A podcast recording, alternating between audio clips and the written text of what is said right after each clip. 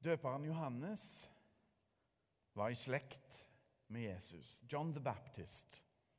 Han var i slekt med Jesus. Og om noen dager så er det sankthans, eller Sankt Johannes-dagen, 24. juni, til minne om døperen Johannes, altså et halvt år før jul og Jesu fødsel. Johannes døperens store livsoppgave var å gå foran, rydde vei for og peke på Jesus som Messias.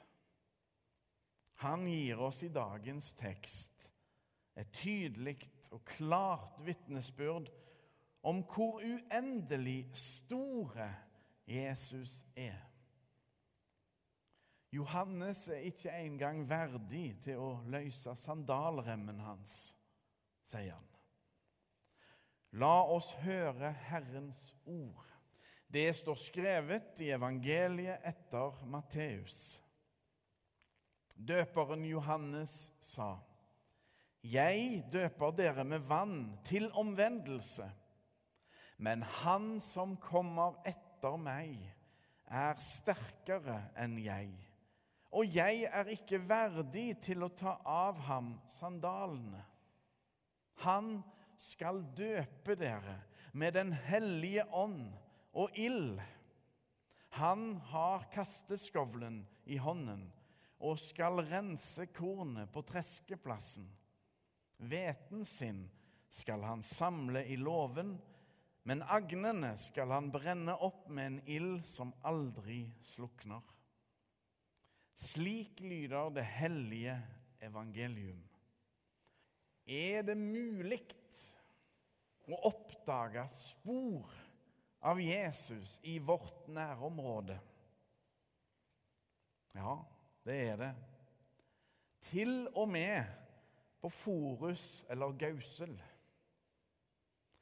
Her er et bilde jeg tok langs veien der borte nylig. Og For dere som ser godt Det var et litt dårlig bilde her. Jeg kom ikke nærme nok. Men eh, det står Jegerveien.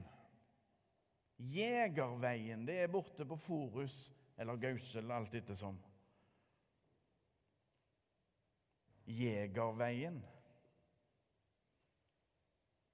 Jeg leste med mine øyne og mine briller ikke Jegerveien, men Jeg er veien.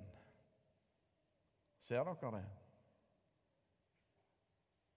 Det står Jegerveien men jeg leste 'Jeg er veien'. For meg ble det ganske enkelt et spor av Jesus. Han som sier om seg sjøl 'Jeg er veien'. Og så fortsetter han og så sier han 'sannheten og livet'. Det skal komme en frelser med en ny dåp.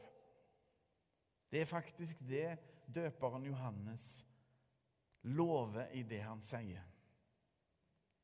Og det Johannes snakker om, er faktisk den dåpen vi er døpte med. Ja, det er den samme dåpen vi i dag så Sara Elena bli døpt med. Det er den Johannes mener. Jesusdåpen. Jesusdåpen er større enn vi kan ane. Den strekker seg over all vår tro, eller mangel på sådan. Guds nåde og kjærlighet i Jesus Kristus er større og mektigere enn sjøl døden og dens makt.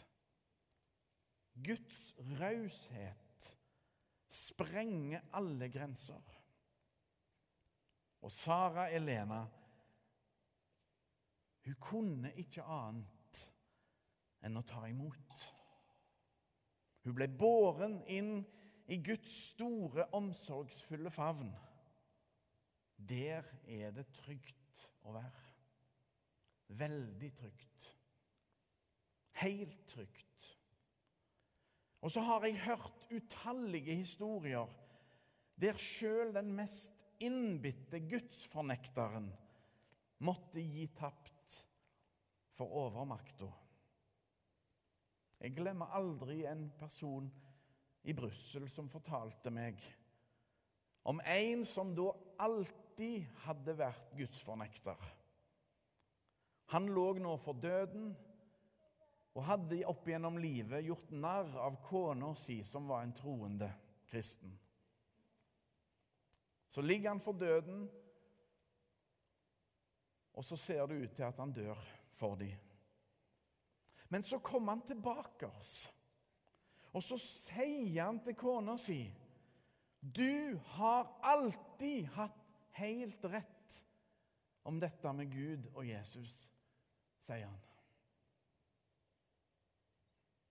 Og så døde han. Så sjøl han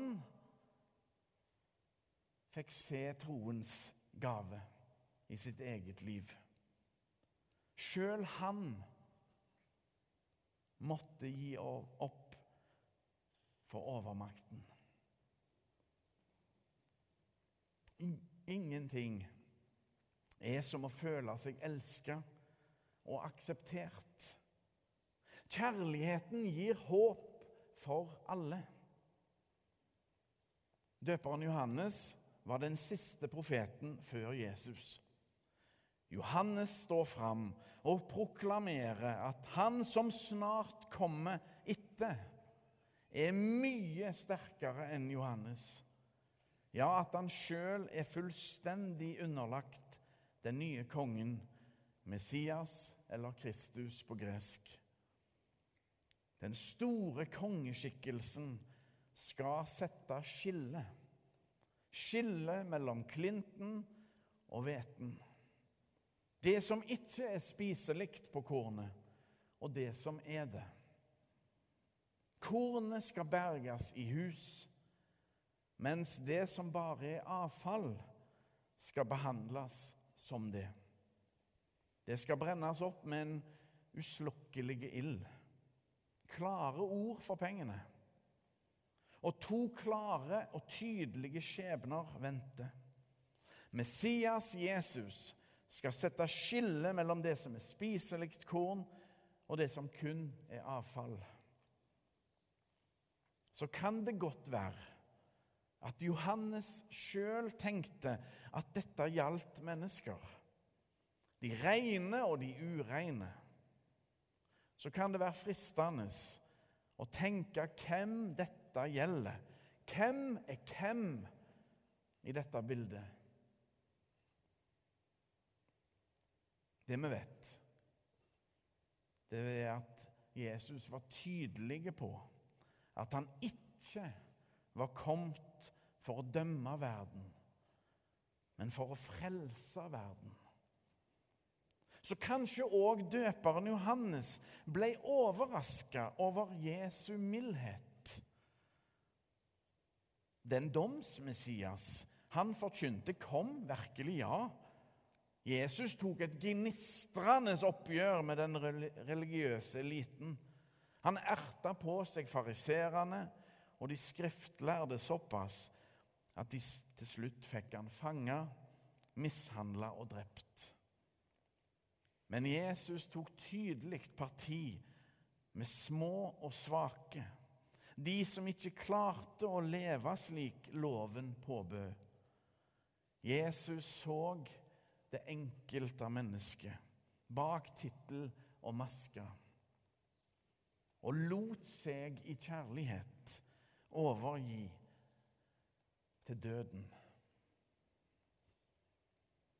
Og triumferte over alle dødskrefter på korstreet. Og det er da Det er da det skjer at agnene det ubrukelige, det som er avfall, det er da det blir kasta på ilden, som aldri slukkes. Og dette som kastes på ilden, det er ikke mennesker, men all vår synd, alle våre bomskudd, alt det som ikke tåler dagens lys. Det er da det skjer, og det er det som skjer. Så Johannes får rett, men på en annen måte enn han kanskje sjøl tenkte i første omgang. Jesu frelsesverk rekker så mange flere og går så mye dypere enn det døperen Johannes hadde forutsetning for å fatte. Sjøl om han så veldig dypt, mye dypere enn sin samtid, så virker det allikevel som om Johannes tenker mer i tråd med loven enn det grensesprengende evangelium som Jesus og hans livsgjerning innebærer. Jesus setter menneskene fri fra loven. Han sprenger den ved å oppfylle den. Som Guds sønn med alle fullmakter setter han oss alle fri. Her sprenges også rammene for døperen Johannes og hans gudsbilde. Den nye pakt avløser den gamle pakt, og døperen Johannes har fremdeles sine ord i behold. For storheten til han Johannes er veirydder for, er så uendelig mye større enn det noen kunne tenke seg. Bildet som dere så iallfall så noenlunde, det som jeg tolka som 'jeg er veien', det var jo egentlig Jegerveien det sto. Men bare et par små mellomrom mangla. Og ja, det er virkelig mulig å oppdage spor av Jesus i vårt eget område. Som døpte bærer vi han alle med oss. Vi er vitner.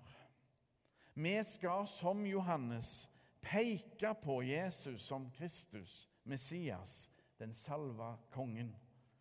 Han som er Guds sønn og vår Herre. Der skal vi dele rikelig og raust av vår tro, slik de har gjort, alle de som har gått foran oss i denne hellige stafetten. De har pekt på Jesus. Men aller sterkest og tydeligst bar Jesus sjøl det sterkeste vitnesbyrdet om seg sjøl. Han sa det med sitt liv, hvem han var, hvem han er, og alltid kommer til å være. Fortid, nåtid og framtid i samme person. Jesus sier, 'Jeg er veien, sannheten og livet. Ingen kommer til Far uten ved meg. Johannes, det 14. kapittelet, det sjette verset. Eller som det kan sies på engelsk I am the way and the truth and the life. No one comes to the Father except through me.